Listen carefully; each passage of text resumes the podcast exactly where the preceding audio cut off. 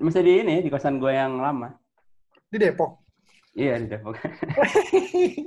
gue sempat balik, sempat balik, sempat balik cuman ke sini lagi karena ya gue kan orangnya introvert. mengasingkan diri.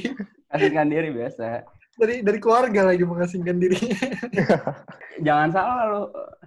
Nabi Muhammad juga mengasingkan diri di gua bahkan gua gua nggak lebay kan dari dari gua gua. Ini- Udah dapat hidayah apa aja, Nain? Wah udah baik banget sih. Siap-siap buat nyebarin agama baru nih. Halo juara. Kalau juga Di sini kita sudah kedatangan nih dua maut yang paling dikenal oleh angkatan. Eh, Ada duo Gifta Nain. Weh. Pasti udah pada kenal kan? Sekali. Terkenal sekali nih duo. Kita tanya-tanya kabarnya dulu aja nih. Gimana? Nain, kabarnya Nain? Sehat sehat baik baik banget. Baik banget. Ya. Gifta, Gifta gimana Gifta? Ya, gue lebih baik dari Nine. lah. Abis buka puasa nih makanya gua agak agak ngantuk. Tadi makan es buah ya? Buah plus nasi padang. Es buah, nasi padang. Nain puasanya full nggak? Ada yang bolong nggak? Full full full. Full. Full bolong ya? Ya. Kalau Gifta puasanya ada berapa yang nggak bolong? Gif? Full full bolong, full bolong. Full bolong. Mantap. Oke, jadi kita langsung ke topik intinya aja.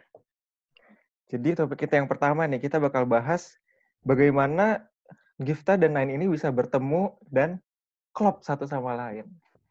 Gimana nih? Kok bisa kayak kayak banyak yang bilang bromance bromance gitu. Oh gitu. Tiap malam Ya, orang-orang teleponan. menyebar menyebar hal-hal yang tidak senonoh ya. Iya nggak sih? Bener nggak sih? Tiap malam pas preklinik kalian sering teleponan gitu. Ya itu teleponan apa itu? Ujian Hmm. tugas atau apa gitu. Coba coba dijelaskan Karena- awal awal mula ketemu dan lain-lain. Gimana Gif? Ketemunya? Gue juga nggak tahu sih. Gue gue bahkan lupa pas kita ketemu pas kapan gitu. Tapi yang gue ingat itu kita memang eh, pernah pertama kali PSAF kan. Mm-mm. OBM pertama kali ketemu OBM ya Gif ya? OBM, OBM. OBM ya. Eh, Bukan OBM, OKK. Nah, Iya, OKK. Nah di OKK itu intinya kita ketemu beberapa anak gitu, nggak cuma kita doang, ada beberapa sekitar tujuh orang ya. Nah itu Nah, kalian beberapa satu anak kelompok. OBM satu kelompok.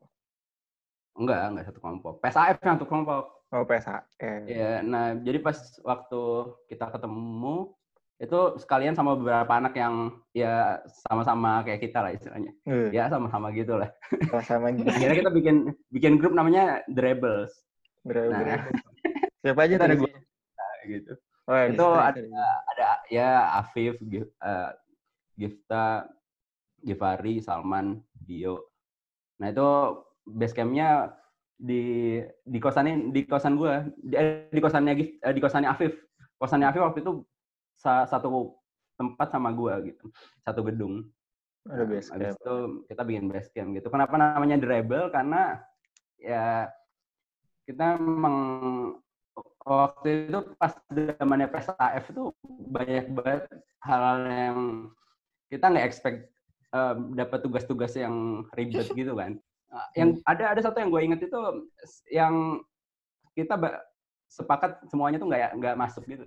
Akhirnya kita ya nyari nyari cara gimana caranya supaya di, diizinin kan yaitu uh, kita dapat surat sakit gitu. Uh, Nah, nah dari semua, mana nah, itu?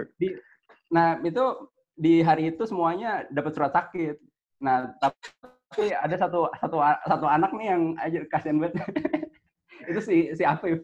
Si Afif tuh dia dapat surat sakitnya itu di disuntik dulu sama disuntik dulu pantatnya sama dokter gitu. karena ya karena kita pura-pura sakit kan. Si si Afif nggak tahu udah nggak mungkin eh, dianggap sakit beneran sama dok sama Hmm. dokternya. Jadi ya kayak ceritanya Nain. Jadi awalnya itu kan waktu masih kegiatan Kamaba kan. Gua ngelihat lah Nain kayak anak terlantar gitu kan. Jadi gua rada kasihan gitu kan. Kan gua anaknya ya emang baik gitu kan, alim gitu kan. Ngeliat orang susah, pengen ngebantu gitu kan. Jadi ya gua bantu lah Nain, gua temenin. Terus bukan cuma pesaf ya Nen ya. kita Bukan- juga satu bukan PA, Sem- satu semuanya. PA. Terus pas awal-awal ini, awal-awal eh, semester pertama itu mata kuliahnya juga pada bareng bahasa Inggris Iya. lah, semuanya lah pokoknya. Hmm. Jadi Kenapa ya? Kenapa? Iya. Nah iya gue juga heran sih. Maksud gue, gue mungkin deket karena sama Gifta tuh ya karena kita semuanya bareng gitu. Mulai dari sampai skripsinya pun bareng gitu.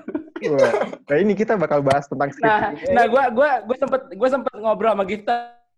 Gif kayaknya kalau misalnya seandainya gue eh, istilahnya banyak bersinggungan sama anak orang yang lain katakanlah Faris Angling gitu. Eh pasti gue mungkin bakal deket sama Faris Angling gitu. Eh, Begitu juga Gifta. Maksudnya saking banyaknya persilangan. berarti karena emang banyak banget kegiatan yang buat kalian bareng gitu ya. Hmm. Iya. Padahal sebenarnya dari awal itu gue udah coba menjauh dari naik, cuma kegiatan Lu selalu dipaksa bertemu. Aduh. Tapi kalau dari sifat Iya, lain yang bikin Gifta klop itu apa, Gif? Hmm, saya suka anak yang kurang ajar ya. kurang aja. Kalau Nain, sifat Gifta Apa- apa? yang Nain bikin klop apa, Nain? apa ya? Ya mungkin menjawab jawabannya dia, dia menerima kekurangan ajaran gue. Oh. Gila kalian klop banget ya ampun. Enggak, itu gue nggak tahu deh apa. Ya ini aja, apa spontan aja gitu. Spontan. Hmm. Ya kita belajar eh, di kedokteran ini belajar empati sama anak-anak yang terlantar, termasuk ya ya tadi yang Gifta bilang gitu. Hmm. Gifta peduli sama eh, orang-orang termasuk gue, gue juga sebaliknya. Gitu. Mantap, mantap. Terus tadi sempat disinggung mengenai riset nih. Kalian kayaknya anak emasnya Dokter Arya Kakali sama Dokter Dewi Friska ya? Ya, betul betul. Nah, Itu, itu gimana alam banget itu. pengalaman Ya. bersama dokter-dokter IKK? Ya. Wah itu gokil sih. Sikat gitu. Gue apa? Ada ada ada cerita apa? Ada cerita apa? Eh, Mbak, eh, sikat gitu. ya kalau kalau dari gue sih, gue nggak kebayang kalau nggak dapat mereka, terutama dokter bukan dokter ini, bukan dokter em, yang satunya, tapi dokter em, Dewi Friska itu kan ini banget ya, baik banget. Jadi kalau nggak ada do- dokter Dewi Friska juga, wah, gue nggak ngerti sih. Wah, Ya ngebantu ngebantu ini kekurangan kita. Malaikat banget ya dokter Dewi. Gift Gifta juga gue ini nih Gifta gue kasih kesempatan dia yang jadi dosbingnya Gifta kan eh beliau yang jadi Hmm. dosbingnya Gifta Kok bisa? Kok kalian bisa ketemunya sama apa matchnya di apa di skripsian itu sama mereka gitu? Emang kalian mengincar mereka atau bagai Nah. takdir aja ketemu mereka gitu? gimana Gift iya kayaknya takdir aja deh Waduh, memang sudah takdir. ya takdir takdir orang-orang yang beruntung lah istilahnya Bahkan sampai di mana itu? Sampai kalian dicariin di kelas nggak sih? Giftanya Iya, ada, itu. nainnya Ah, nggak ada. Ya. Di kelas Padahal apa itu ya? SPKP, SPKP ya? jadi Hmm. dosen pembimbingnya Nain yang di narasumber kan. Eh tahu-tahu anaknya nggak ada. Kan. ada itu suram banget kalau gitu gue datang gitu Jadi Oh, memang iya. ceritanya itu udah udah lama ininya kan, udah lama kita dapat kesempatan buat ngerjain riset dan sempat ini juga sempat eh, ya singgung-singgung lah sama Nain. Kayaknya kita dua deh yang bakalan jadi pertama kali buat eh, sidang di angkatan. udah ngeribet Ternyata, eh, ternyata. Tapi justru karena ternyata karena kita mengetahui potensi kita yang begitu luar biasa ini ya. Jadi ya santai-santai. Akhirnya Iya, menunggu santai yang aja. terakhir karena memang Kita uh, save the Iya. best for the last gitu kan. Jadi kita memang Yoi. Uh, di akhir memang. Padahal kita kita mulai risetnya tuh mendahului yang lain. Kita gercep banget anaknya. Ya, ya? Jadi kita jadi cerita lucunya itu tahun berapa itu ya? Ini tahun 2020 ya. Tahun 2020 kita sidangnya tahun 2019 ya Nen ya. Jadi pertama kali deadline proposal pertama kali itu gue inget banget itu 14 Januari 2019 itu deadline proposal pertama. Terus proposal gue manain kelarnya itu dikumpul submit selesai itu bulan Juli. Juli. Jadi ya, karena itu. Karena tapi sebelum sebelum tapi sebelum sebelumnya itu kita ini ter, tergolong yang cepet gitu tergolong yang Iya. cepet cuma kita ngaret, ngaret aja gitu Mm-mm. ya harus Enggak, karena sebenarnya kan karena kita berubah prinsip ya Nen ya. Awalnya karena kita kan merasa bahwa sebagai dua orang paling dengan potensi paling tinggi di angkatan kita harus paling depan gitu kan. Tapi akhirnya berubah prinsip ya itu tadi. Iya, benar. Gitu. ya masalahnya nggak mau ini sih nggak mau apa ya bikin yang lain yang lain tergesa-gesa gitu itu takutnya mengintimidasi yang lain gitu memberikan pressure ya ke yang lain. iya lu bayangin gitu lu bayangin kalau misalnya tinggal beberapa orang doang em, kayak misalnya kita kita udah ngerasain gitu gimana di Tinggal ya. ya bukan bukan maksudnya kita em, sengaja ya save the best for the last gitu Kasihan Iya. orang-orang kayak Ali. kasihan orang-orang kayak Ali. Aduh, aduh, aduh, aduh, aduh. Dua orang dengan potensi tertinggi ya tadi kata Gifta. Ya, Iya. ini bener banget jangan sih. di- Sampai, Ya itu menurut kita aja sih. sampai jadi masing-masing kalian kan gold medalis info ya. Bener nggak? Betul. Ya kan? Tuh. ya Nah, kita masuk nih ke topik berikutnya. Kita bakal bahas info. Ya Eh, boleh. eh sebelum itu em, Sebelum itu, ada yang paling penting juga jadi sebenarnya gue sama Gifta itu satu grup yang PA Dokter Lili itu yang gue kasih tahu jadi hmm, eh, kita hampir tadi ya, tiap kenapa? dekat. ya hampir tiap tiap Suma pasti ini nggak sih Gif belajar bareng di di Koftov sama anak-anak yang sama anak PA Dokter Lili Iya. Ya, dokter ya. Oh. Ya, nah, ya jadi mungkin kena ada termasuk kenapa kita ini mulu em, apa kenapa kita ya ketemu mulu karena em, ya saling butuh gitu karena kita pas belajar Suma itu kan pasti hamin satu kan. nah jadi di Koftov bareng-bareng gitu sama anak Dokter Lili. Jadi gue ingat banget pernah ketemu si Nurul gitu. Jadi gue ada suatu saat datang ke Koftov dan ya kayak biasa lah gue belum belajar kuliah apa-apa gitu. Nah terus si, si dulu nanya gitu, "Eh, lu udah berapa kuliah? Terus gue bilang belum. gua gua sama Gifta bilang belum gitu. Dia bilang bohong. Gak tahu. Rick. tapi tapi ini bener banget sih semua. Ada suatu masa di EBM saat modul EBM dan Nine ini terpisah dari kelompoknya. Dan tiba-tiba Amin satu ujian ada chat masuk PC. Han, lu belajar sama siapa aja? Gue boleh join nggak? Gue nggak ada teman banget nih, bingung gue Amin satu mau belajar apa? Iya itu benar makanya. Itu karena gua ter- terpisah banget sih. Itu berarti karena di di PA Dokter itu ada bidada ada bidadari bidadari. Ya? Wah. siapa siapa aja tuh bidadarinya? Sebutin Gif. Adalah Ali, Ali itu bidadari. Ada Dio. bidadari bro. Lo kan bidadari cantik-cantik tuh. Bidadari. Enggak lah, Aul, Amira, Saski itu mereka Awe. the best banget lah, the best. Kalau nggak ada mereka, gimana? Ya kalau nggak ada mereka mungkin cuma gue doang yang wisuda.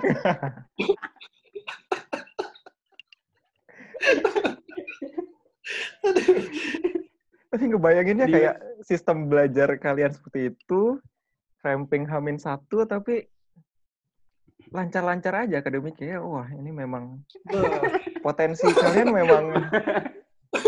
Kamu tidak tahu. Wah, mereka tidak tahu, Nen. Ya, ya lancar aja sih, cuman berdarah-berdarah nih. Ya, intinya ya semua usaha pasti berbanding lurus sama sama hasil gitu. hmm. Setuju. Tadi lanjut sempat kepotong soal info. Hmm. Kan kalian berdua kan jadi gold medalist info ya? Apa emang tujuan kalian dari awal kalian bener-bener wah ini gue harus masuk info nih jadi juara di info Waduh. wah Iya. gimana nih Awalnya dulu rencananya pengen masuk bareng ya nih. awalnya main masuk bareng Iya, iya. Iya. Tapi gua sengaja tidak masuk supaya Nain bisa masuk gitu kan. Hmm. Yang yang Iya. lain benar-benar ngorbanin buat gua. kagak kagak. Jadi ah, ah, tingkat berapa itu ya? Tingkat tingkat dua ya, tingkat dua ya itu. ya. dua yang pertama yang lain masuk ya itu Iya. Jadi gua menain lah. Memang merencanakan mau ikut fisiologi itu kan, lomba fisiologi itu. Ya udah, tapi tahun itu Nain doang yang masuk. Awalnya pengen Ya, bareng-bareng. Hmm. Mm. Termasuk kita yang sering ini, maksudnya kad- kadang kalau kalau misalnya bosen ya kita ke perpus. Yang nggak sih? Yang ya kan Gif? ke perpus Iya. buat ini. Nah, Tapi kalau misalnya alasan gimana? Tapi masalahnya hampir tiap hari kita bosenin ini. Jadi tiap hari juga ke perpus. Ya, ini ter- ini termasuk yang nyari orang yang gampang bosen susah gitu. nah, akhirnya ketemu lagi. Praktik emang hampir tiap hari gue main ke perpus. oh itu pas lagi bosen Nah, kalian pas bosen tapi ya nggak- larinya ke perpus. Ya tapi ke perpus jangan dianggap belajar belajar ya enggak juga gitu. Kita beli es krim, beli es krim, Hmm. dips es krim, terus ngopi, terus abis itu tidur. Main catur, main catur. Main catur. tidur. Jadi jangan di jangan dikira kita sering ke perpus belajar mulu ya. dan dan kalau belajar juga kita bukan belajar kalau gua gua pribadi gue justru suka buka literatur literatur yang justru nggak ada kaitan sama kedokteran gitu. Hmm. Wah. Kita menarik ko- komik bahas gak nih bahas literatur Eh, yang eh, tidak gitu. berkaitan ya Gak usah, gak usah nggak terlalu usah ya Ya. jangan Ya, jangan intinya kalau misalnya soal yang kenapa pin di info karena kalau gua gua pribadi sih karena pas SMA ya gua bener nggak nggak ada achievement apa apa gitu karena memang gua nggak ada fokusnya sama sekali akademis termasuk anak yang ini banget lah bandel banget lah di Hmm. SMA nah akhirnya ya gua penasaran aja gitu. Karena penasaran aja karena penasaran akhirnya gua ikutan gitu. Hmm, Kalau gue sih karena pengen ada aja pemicu buat belajar. teman buat pemicu buat belajar. Wah. Bentar ya. keren banget Yo, iya emang keren gue. Terus kalau dari kalian sendiri kayak bener-bener fokus sama yang kalian mau gitu sama kalian tuju kayak kalian sukanya di mana kalian kejar di situ gak banyak orang yang kayak gini gitu ya gak sih ya emang emang jalan setan emang ya dikit yang ikut Oke, kan aku pernah aku pernah sedekah nih sama Nain pernah sedekah sama Giftas pernah sedekah Oh iya Ya. bener. iya gak sih Eh, benar. emang kita pernah bareng ya pernah maksudnya bertiga bertiga oh enggak enggak Bertiga gak pernah. oh sama Nain dulu masih kurang beruntung, masih ber- masih kurang beruntung Hanhil. Enggak pernah. Sekali dua. aku sampai aku sampai di aku sampai dikata-katain sama teman kayak wah mampus lu Han lepas dari Nain ketemu Gifta katanya. tapi sama kalian tuh tipe tipikalnya sama kayak kalian lagi fokus di mana kalian fokus di situ terus yang lain yang tidak terlalu ganggu itu nggak kalian pikirin gitu contohnya LTM terus mind map tugas-tugas DK terus ya sikat gitu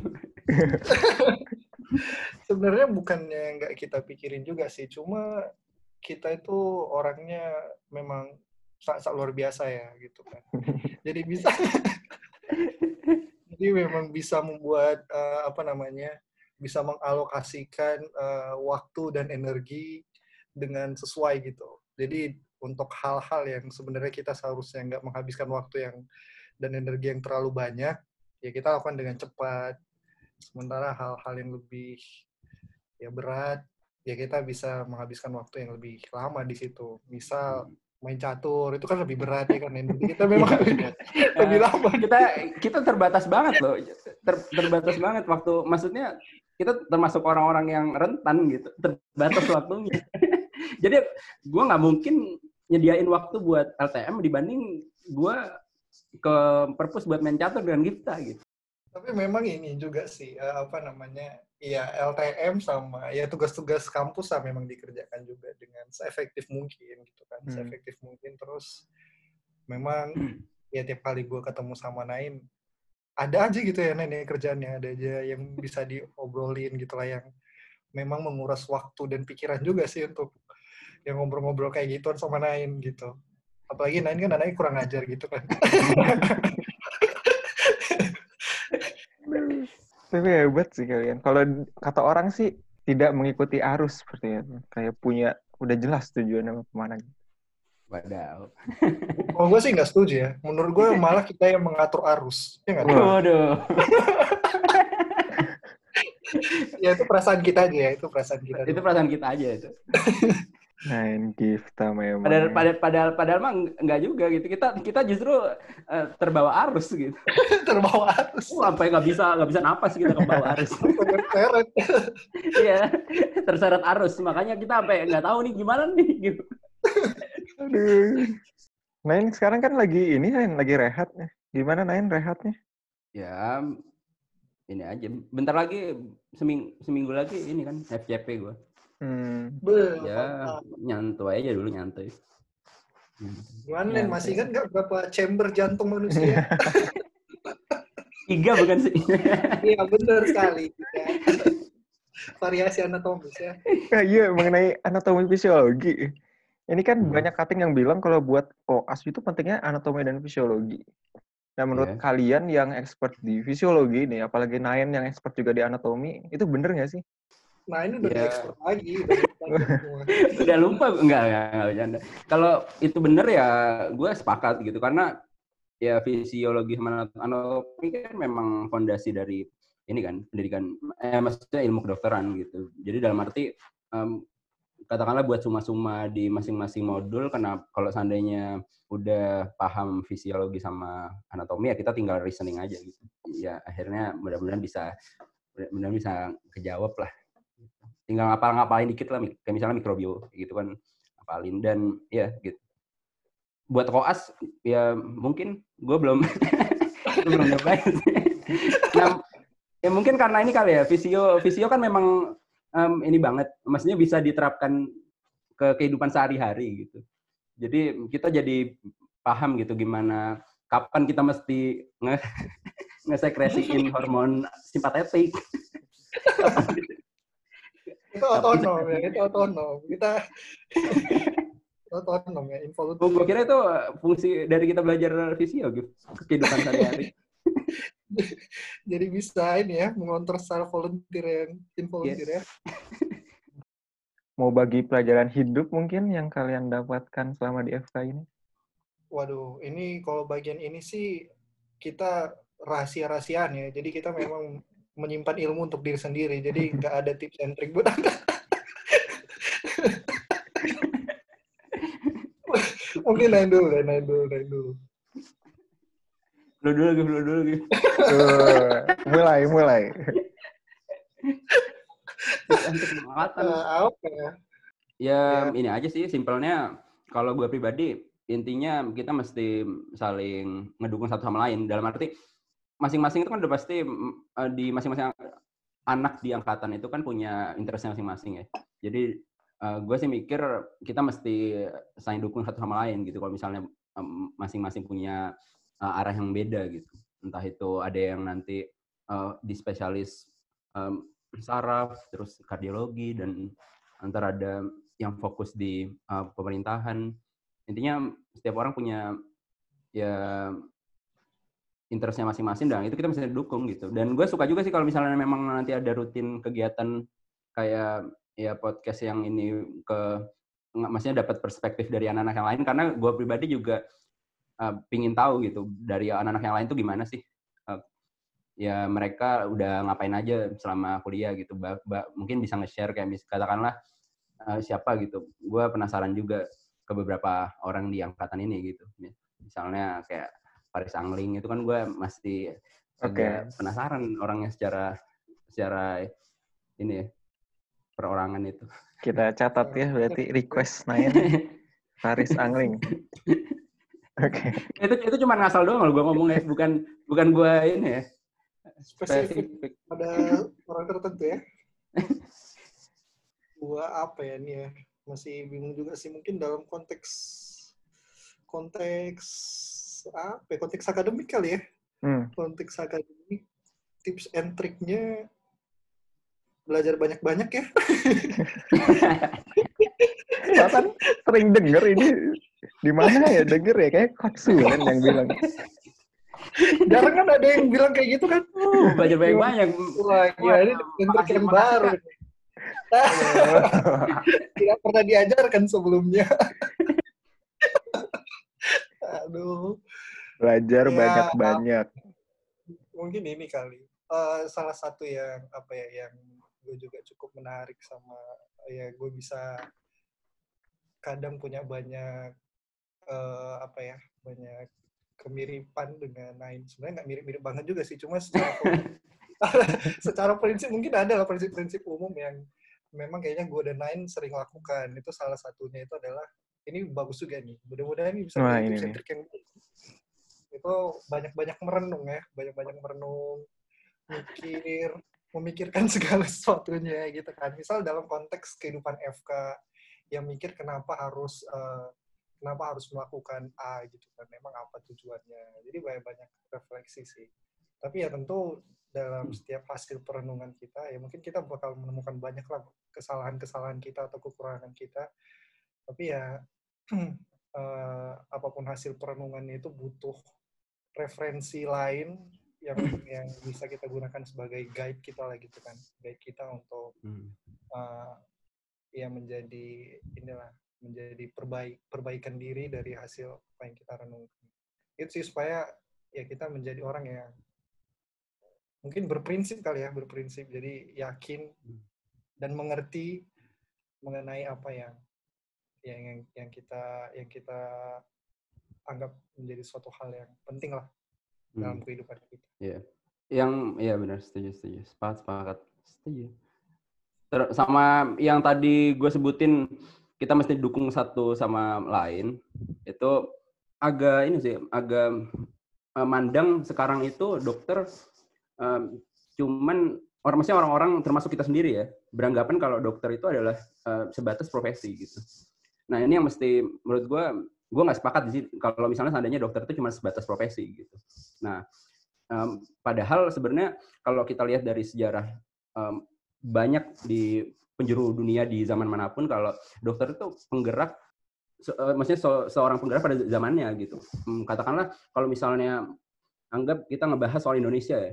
Indonesia sendiri yang maksudnya sebelum Indonesia merdeka itu yang memperjuangkan itu orang-orang termasuk dokter-dokter yang hebat gitu katakanlah yang pertama kali bikin partai yang bikin pertama kali par- bikin partai em, di Indonesia yang formal itu ada dokternya juga itu tiga serangkai ya itu ya kita tahu Cipto Mangunkusumo kan sama Ki Hajar Dewantara dan juga Dewi Dekker terus juga organisasi pertama katakanlah Budi Utomo. Itu dibentuk oleh ya Dokter Sutomo kan di yang di, yang mana itu nanti dibantu oleh Wahidin Surya Husodo gitu.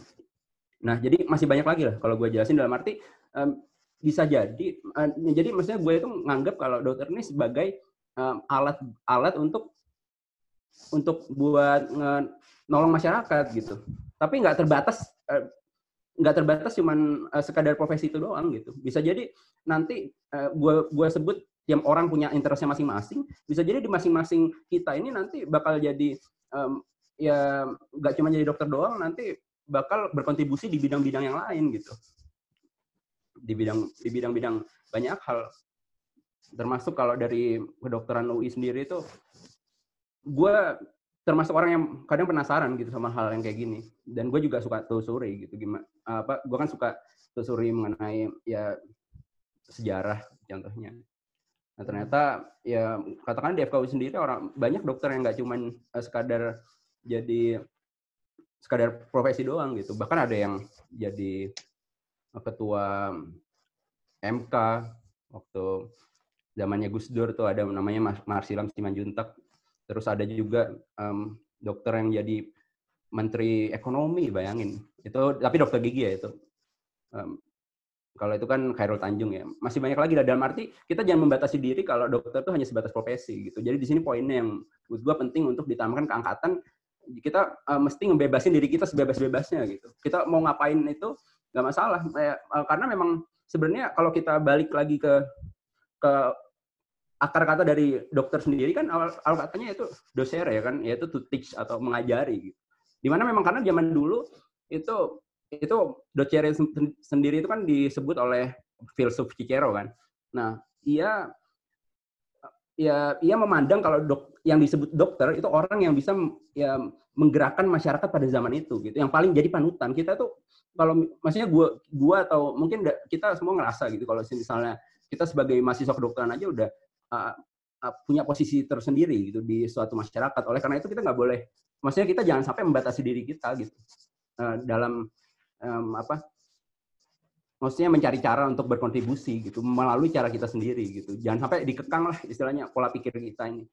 Karena kita punya privilege besar gitu. Orang yang bisa masuk FKUI dalam arti kita punya um, privilege yang besar uh, bukan karena pinter doang gitu banyak faktor lah jadi kita jangan sia-siain itu jadi memang uh, Nine ini salah satu yang bergerak bukan cuma di bidang kedokteran ya Hankil. Iya benar sekali. juga. Di teknologi komputer, jadi penjaga warnet ya Nen ya. Udah penjaga warnet tujuh tahun nih. Jaga warnet juga. Dia. Jaga warnet. Sekarang lagi project apa Nen? Project, hmm, karena ada corona jadi nggak di ini lagi. Masih masih di uh, berhentiin dulu gitu. Gue sempat uh, bikin project beberapa eh, beberapa ini ya uh, apa produk ya. Ada yang produk startup, ada produk chatbot, ada juga yang semacam media kayak podcast, artikel, termasuk lo juga sempat ngirim artikel juga kan? Nah, itu cek aja kalau termasuk uh, produk yang gue bikin tuh natadanus.com, itu cek aja. Uh, natadanus.com. Iya. Hmm. Itu gue sama anak Fasilkom, anak Fasilkom sama anak ekonomi. Hmm.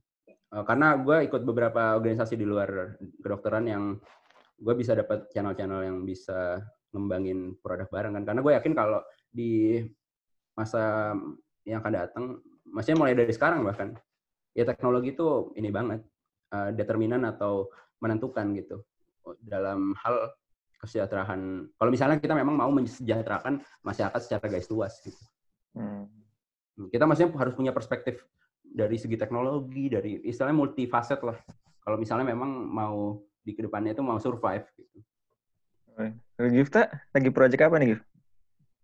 Lagi project survive cost. Survive. Itu juga udah wah. Project yang besar cukup besar lah itu ya. Sangat sangat besar. Yep, yep. Ya karena ya besar banget tuh.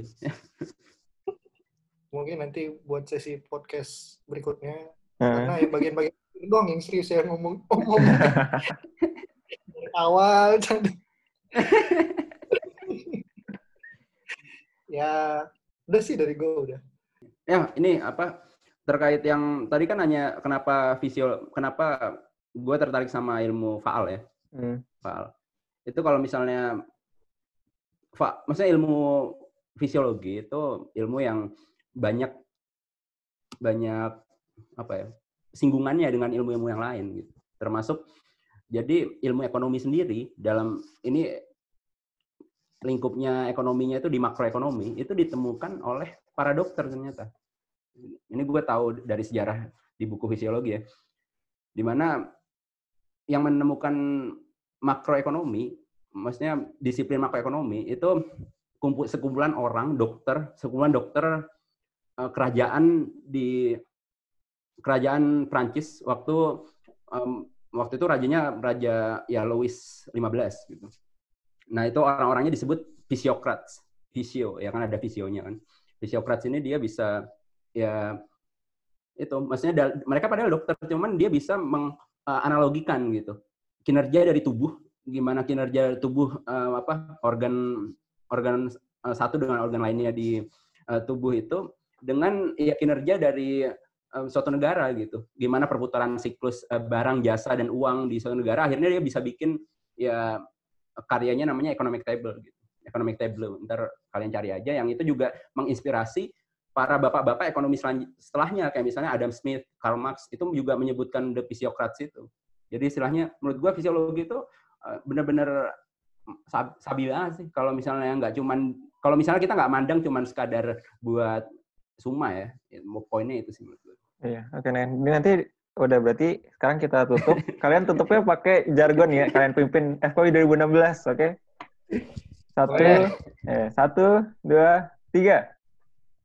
FKW 2016. FKW 2016. Enggak bareng. Bareng, bareng. Satu, dua, tiga. FKW 2016. 2016. Oke, okay, thank you guys. Oke, okay, thank ya, you, Nain Gifta. Ketemu selanjutnya. Yuk. Bye-bye. Terima kasih. Bye.